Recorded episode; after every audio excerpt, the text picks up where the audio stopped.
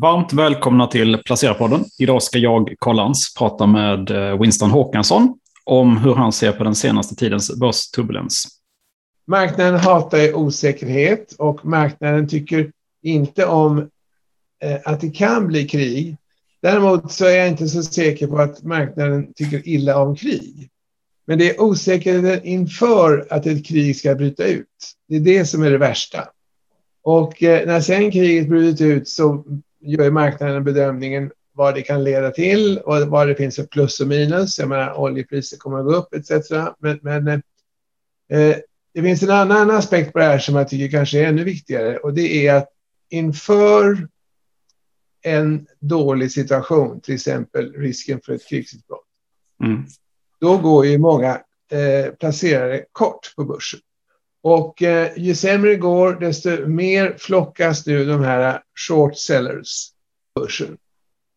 Och eh, sen när det då kommer kanske någon liten ljusning, att man eh, då kanske har någon fredstrev och annat, ja då börjar ju eh, en del av dem som sålde tidigast kort, de går in och täcker sig, i alla fall delvis.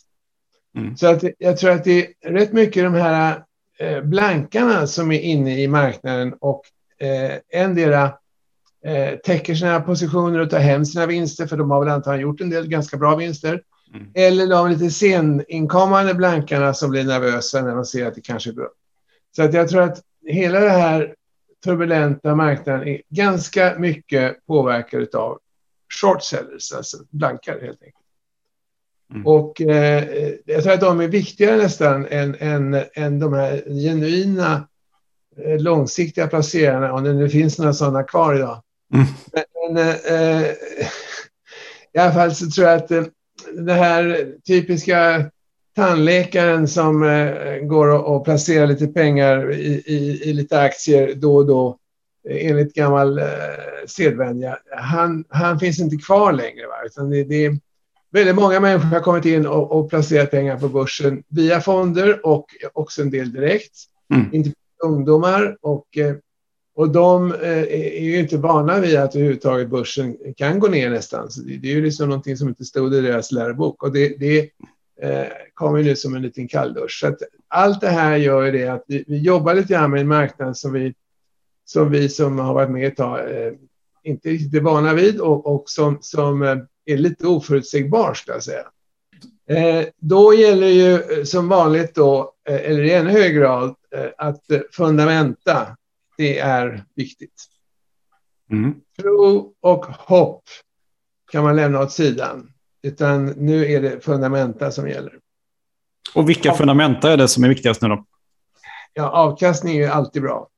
Mm. Och eh, även Eh, sådana saker som, som eh, i viss mån då substansvärde och eh, ja, historik skulle jag säga också i, i bolaget. Att det liksom, det, alla de här, i och för sig då väldigt intressanta techbolagen som, som har gått otroligt mycket. Nu har ju de fått en del stryk i år, men, men de, de har ju lite grann nu kommit eh, i, i kylan. De är inte riktigt lika intressanta längre tror jag. I alla fall inte för närvarande, utan det blir ju mera då de här lite mer traditionella företag som, som är råvarubaserade, de, de klarar sig rätt bra. Jag tänker på givetvis olja, men även metaller och kanske lite grann skog och, och, och, och eh, så fundamentala företag. De klarar sig bättre. Ja. Hur ser du på fastigheter då i en sån här marknad?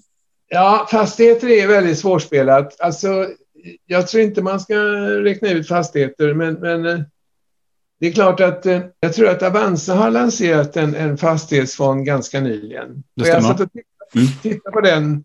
Och, och, eh, var det du som skrev den, någon av dina kollegor? Jag såg den bara för ett par dagar sedan på, på Avanza. Men den var ju, den är bra ska jag säga. Och jag tittade igenom och jag tror att av de tio bolagen som stod med på, i den här notisen från Avanza så jag kände ju till alla tio och eh, jag skulle nästan kunna sätta en köpstämpel på dem nästan allihopa i alla fall. Mm. Så att det är nog en väldigt fin fond det där. Och eh, det är klart, i det korta perspektivet, eh, då vet man ingenting. Men, men på sikt blir det säkert bra. Mm. Det är klart att det finns ju vissa då bolag som kanske kommer att störas av att hyresläget förändras. Mm. Men, men och, de bolag som har mycket i landsorten där, där det har varit attraktivt att köpa för man har fått bättre nyckeltal. Det kanske är lite vanskligt. Jag, tror att man ska ha en ordentlig mix med, med storstad med också, alltså för att det är där ändå tillväxten finns. Alltså. Men eh, eh, fastighetsbolag tycker jag, jag har själv huvudstaden och fast partner. Inga av dem ligger ju på den listan vi ska gå igenom alldeles strax, men, men eh, eh fast partner tycker jag nog är det bolaget som jag känner mest för. Då har jag till och med stoppat in barn i det bolaget. Du har stoppat in barn? Ja, ja. min dotter hjälper jag att sköta hennes portfölj och där, där är hon i fast partner. Okej. Okay. Mm. eh, det visar ja. på hög conviction. Mm. Ja, jo, men jag känner för dem och jag tycker att den killen, han, han har haft ett brokigt förflutet, vi är ungefär jämnåriga, men, men han har ju lyckats fantastiskt bra så småningom alltså. Och, eh, han fick lärdom av sina vidlyftiga affärer för många år sedan och eh, har, har eh, läst på och gör rätt så att säga. Och jag tror att eh, det är en kille, Sven-Erik Johansson är en kille att hålla ögonen på. Alltså. Det är väl bara då ett, nu är det väl generationsskifte på gång, för jag tror att han har en son som jobbar där i företaget. Jag kan inte så mycket om honom, men om han lär sig av pappan så blir det säkert bra. Vad, ja. vad, vad gör du annars i sådana här stökiga börstider? Nej, men jag sitter och tittar lite grann på den här portföljen som, som eh, eh, alltså jag har ju nu som vanligt tagit fram de tio bästa av de cirka 50 papper jag har. Jag har inte gjort så jättemycket. Jag har plockat bort några enstaka med ströpapper och så, men, men eh, jag ser att av de, de tio bästa papperna så har i alla fall alla tio gått plus den senaste månaden. Och det är alltid något. Eh, det är jättebra. Mm. Vad sa du? Det låter ju väldigt bra i den här marknaden. Ja, jag vet inte det, men, men eh, jag kan ta dem. Vi tar dem från, eh, från första början. Då, så det bolag som gått bäst i min portfölj det är ett ganska nytt bolag. Jag vet inte om jag pratat om det. De heter Equinor. Det är väl det här norska olje, alltså, oljebolaget, va? Norskt oljebolag. Gam, gamla Statoil är det väl egentligen? Just det. Mm. Och eh, de eh, jag hittade dem när jag satt och letade efter någonting helt annat. Det var en slump som jag fick tag i dem och jag tyckte att det såg väldigt bra ut faktiskt. De har ett P tal på 12 och en direktavkastning på 2,25 procent. Mm. Och eh, eh, som jag ser det så, så, har de ett, ett bra flöde och eh, så det är nog ingen slump att de ligger bäst till. Mm. Så ol olja då är det bästa senaste månaden? Olja har jag faktiskt. Eh, eh, ja, det är de främsta i olja. Jag har någon liten oljeplacering sen gammalt. Nej, det har jag inte förresten. Det där är mitt enda oljebolag. Ja. Okay. Ja, men det är väl Sen, logiskt när, när oljepriset är nästan uppe på 100 dollar här redan. Ja, men alltså, absolut. Och jag har mm. Eh, en god vän som jag pratar mycket ofta med. Han har haft oljeaktier i hela sitt liv och han har tjänat mycket pengar på det. Han tycker jag är idiotisk som då och då säljer. Men, men, mm. men eh, så är det.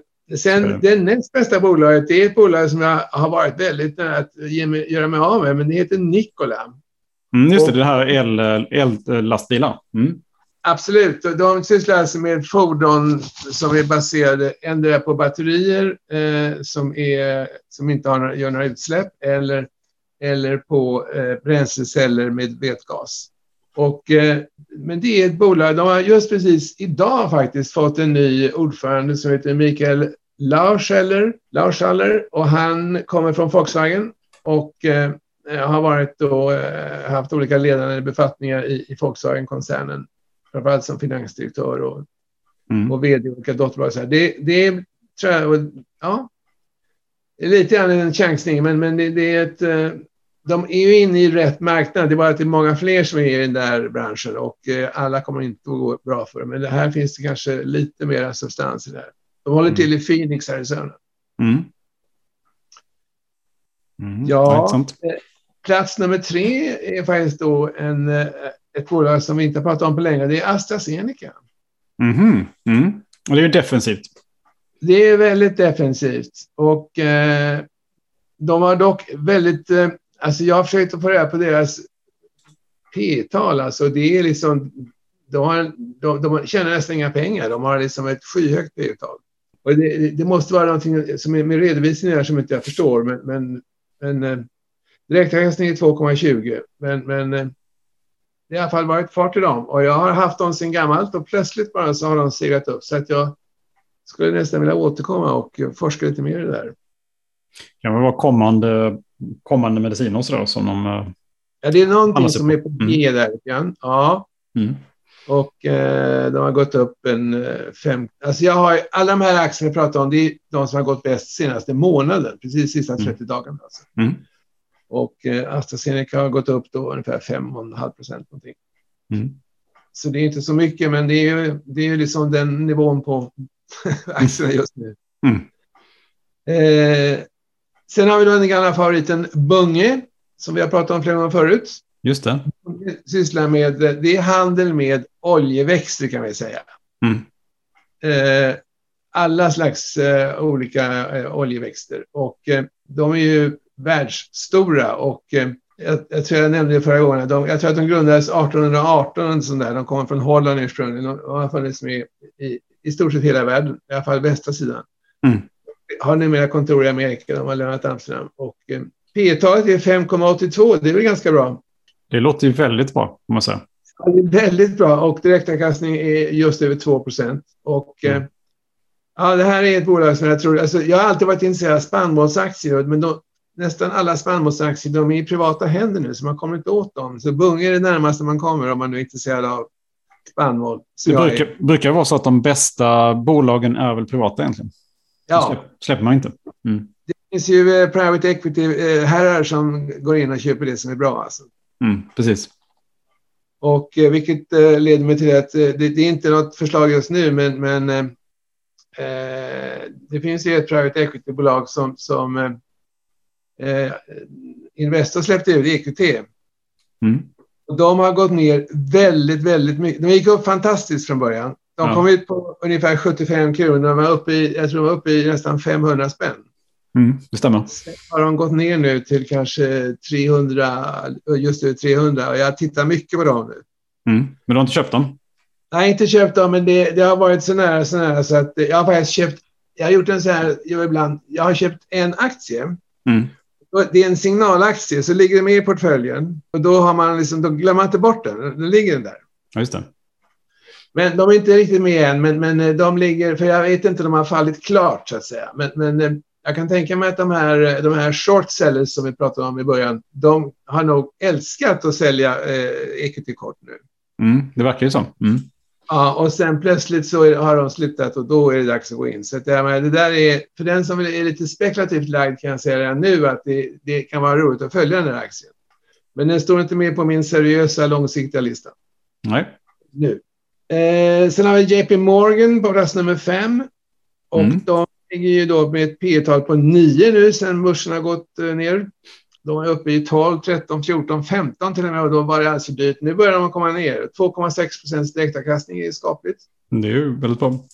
Ja, eh, så att eh, JP Morgan, det är som jag ser det är världens bästa bank. Det är en, det är en säker pjäs. Alltså. Det är, och ändå går man naturligtvis ner i en dålig marknad, men, men nu tror jag att det kan vara läge på att köpa den faktiskt.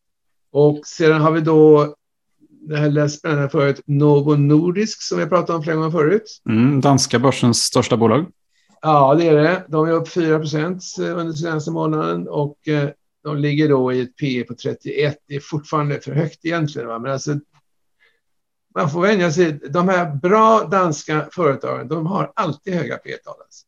Och sen så fort som man tänker att nu går nog P-talet ner lite grann, då börjar de att köpa upp sina egna aktier, för det gör de ganska mycket. Det är, det är deras favorithobby i Danmark, det är att köpa upp egna aktier. Det har de gjort, alla de stora bolagen har gjort. Eh, Mercedes-Benz har vi haft med förut. Mm, mm. De har ju en svensk vd nu. Sen ja, svensk vd. Och eh, nu har de ju då sålt av den här lastbilstillverkaren. Och fast de har kvar en minoritetspost där. 40 procent kanske någonting sådär. Men, men eh, det går inte att få reda på vad de har för P-tal efter den där affären så att säga. Så att jag har inte, i alla fall inte på Avanza. Så att eh, jag har försökt att få reda på det. Men eh, och direktavkastning är då 1,82 någonting, så det är inte så här jättemycket, men alltså, det är ett fantastiskt fint företag, Mercedes-Benz. Alltså, så, mm. att, eh, så har vi då eh, alla corona, eh, alla som är trötta på corona och vill ut ge sig ut och resa i världen, de ska då köpa aktier i TUI. Just det. Eh, som faktiskt har gått en, upp 1,8 procent sista månaden och eh, jag har sett dem, de ligger hela tiden och försöker komma upp och de var verkligen på väg upp innan den här ryska krigshotet började, då sänkte de. Jag tror till och med att de har en storägare som är rysk faktiskt i det, som är största, största ägare. Kanske är lite oro för det också. Ja, det, eh, och en annan, ett annat bolag som har klarat sig väldigt bra här rätt länge och även nu så är det då AP Møller Maersk i Danmark. Mm. De har dock gått upp, eh, knapat upp 1,7 procent eh, i, i, i, sista månaden och det, eh, det är i alla fall något. Och ja, som ni vet så det är en av mina favoritaktier. Jag tycker att de, de har ju haft en fantastisk framgång här nu i, i, med den här, i, i det här läget att de är störst, världens största containerföretag. Och så till slut så har vi faktiskt en aktie som vi tog upp redan förra gången och den har i alla fall inte gått ner så mycket. Den har inte gått ner alls. Den har gått upp 1,1 procent och det är den här Banca Monte di Paschi di Siena. Världens äldsta bank. Världens äldsta bank. Och du slog snabbt upp när vi, när vi tog upp dem första gången, förra, förra gången tror jag var. Mm. Eller förra. Så eh, då så konstaterade jag att det fanns nio aktieägare hos Avanza som hade Banca Monte. Mm. Och sen för ett par veckor sedan så var det 141. Ja, men då ser du, det är, det är din påverkan liksom. Jag vet inte, men, men eh, alltså förutsättningarna har ju bara förbättrats för att eh, italienarna har ju nu, nu har ju då, alltså det har ju blivit skifte på, på, eh, på, på alltså den här italienska banken eh, eh som heter, eh, och jag, jag har just glömt bort det, som då var tillsagda av regeringen i Italien att eh, gå in och köpa. De, de vägrade. Mm. Och, eh, så nu, eh, nu är det slut med det. Och, utan istället så har Banca Monte sagt att de vill göra en emission i år på 2,5 miljarder euro. Det är ganska saftigt. Mm. Ja, det låter mycket pengar. Så mycket pengar. Mm. Ja. Och eh, vi får se. Aktien är fortfarande då Eh, de ger givetvis ingen utdelning, men, men, men eh, alltså substansvärdet ligger på ungefär börsnoterade substansvärdet är 20 procent. Så att, eh, nu vet man ju inte riktigt vad det är för bonitet i de där, i de där eh, lånen de har. För det kanske är så att en hel del av de där lånen är ändå lite... Men alltså, i princip ska ju dåliga lån vara bortskrivna, men, men det kan man ju aldrig vara helt säker på. Jag vill inte ha några förutfattade meningar om italienska banker, men jag känner mig ändå en aning. Tvivlar.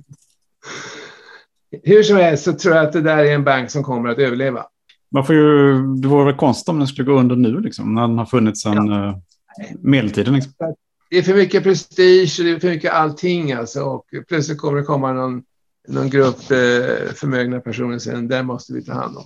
Mm. Och, så att, eh, jag är rätt säker på att den kommer att överleva. Men jag medger att den, den, den har inte så starka siffror, men substansen är i alla fall väldigt försiktigt. Ja, det är väl eh, de aktier jag har just nu. Jag tänker den, den här perioden nu som med de här skakigheten vi har.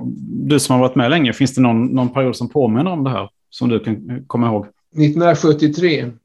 Oljekrisen? Ja, mm. Då var det skakigt. Då, då, då gick jag på börsgolvet och då hängde ju Sveriges Television där och gjorde reportage var och varannan dag där ett tag. Mm. Och det var, det var, eh, ja, det var rätt skakigt. Mm. Men det var inte så många som ägde aktier då väl? Nej, det var det inte. Och då var ju, eh, alltså, då var ju omsättningen kanske på Stockholmsbörsen så här en 4-5 miljoner kronor på en mm. dag. Otroligt. det, är liksom, det är några sekunder idag. Men jag tänkte om du har varit med då, du var med på oljekrisen där och det här påminner lite om oljekrisen 73. Ja. Hur, hur kan, kan man dra några paralleller idag till hur länge det här kan pågå? Liksom? Har, har de funderingar kring det? Alltså, det, det, det, är väl det som är likheten med de här två händelserna. Att, att eh, då plötsligt så, så steg oljepriserna fantastiskt på, på bara ett par veckor och månader. Och, eh, eh, och det, det, det märktes ju liksom på börskurserna dramatiskt.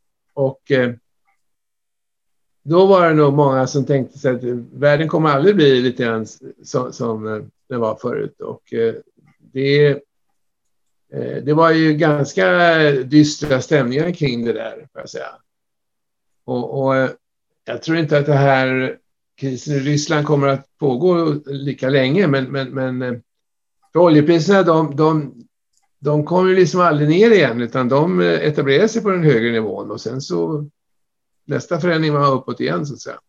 Och, och, eh, men så småningom så vande sig marknaden vid, vid det här nya prisläget och insåg det att eh, världen hade inte tagit slut för det utan det gick bra att fortsätta.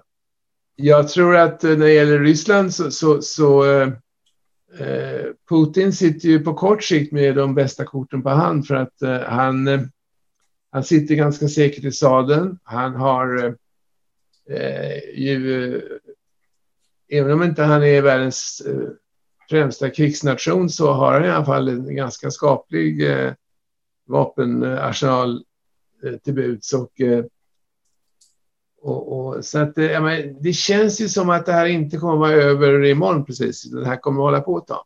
Och eh, det är ju inte bra för börsen får man säga. Och sen har du samtidigt då Federal Reserve som ska höja räntorna, trycka ner inflationen. Ja. Mm. De kanske inte är riktigt lika störska med det nu om, om det blir en, en långvarig konflikt med, med uh, Ryssland. Jag vet inte, men, men uh, ja, det känns väl sådär, vad säger mm. mm. Men du är fortfarande kvar i marknaden i alla fall? Ja, det är jag. Mm. mm. Jo, jo, visst. du har inte sålt någonting då? Nej, egentligen inte.